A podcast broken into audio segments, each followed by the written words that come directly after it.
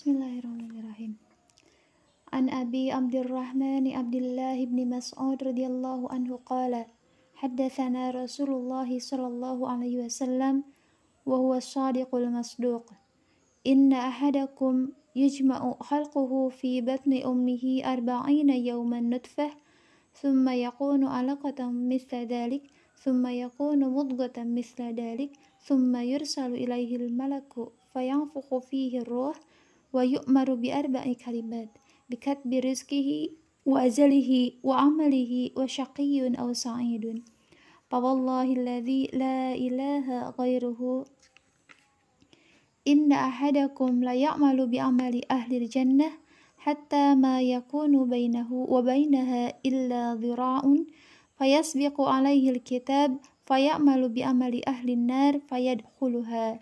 wa inna ahadakum la ya'malu bi amali ahli nar hatta ma yakunu bainahu wa bainaha illa dira'un fayasbiqu alaihi alkitab fayamalu bi amali ahli jannah fayadkhuluha. Rawahul bukhari wa muslim.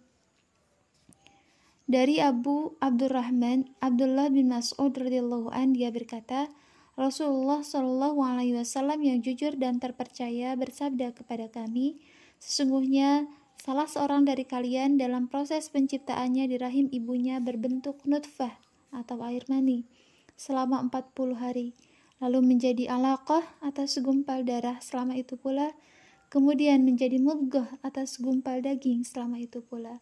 Kemudian diutuslah seorang malaikat untuk meniupkan ruh kepadanya, dan dia diperintah dengan empat hal, yaitu untuk menuliskan ketentuan rizkinya, ajalnya, amalnya, dan sengsara ataukah bahagia. Demi Allah, zat yang tidak ada sesembahan yang berhak disembah selainnya. Sesungguhnya ada di antara kalian yang dahulunya selalu mengerjakan amalan penghuni surga, sehingga jarak antara dia dan surga tinggal sehasta. Namun catatan takdir telah mendahuluinya, maka dia pun mengerjakan amalan penduduk neraka, sehingga dia masuk neraka.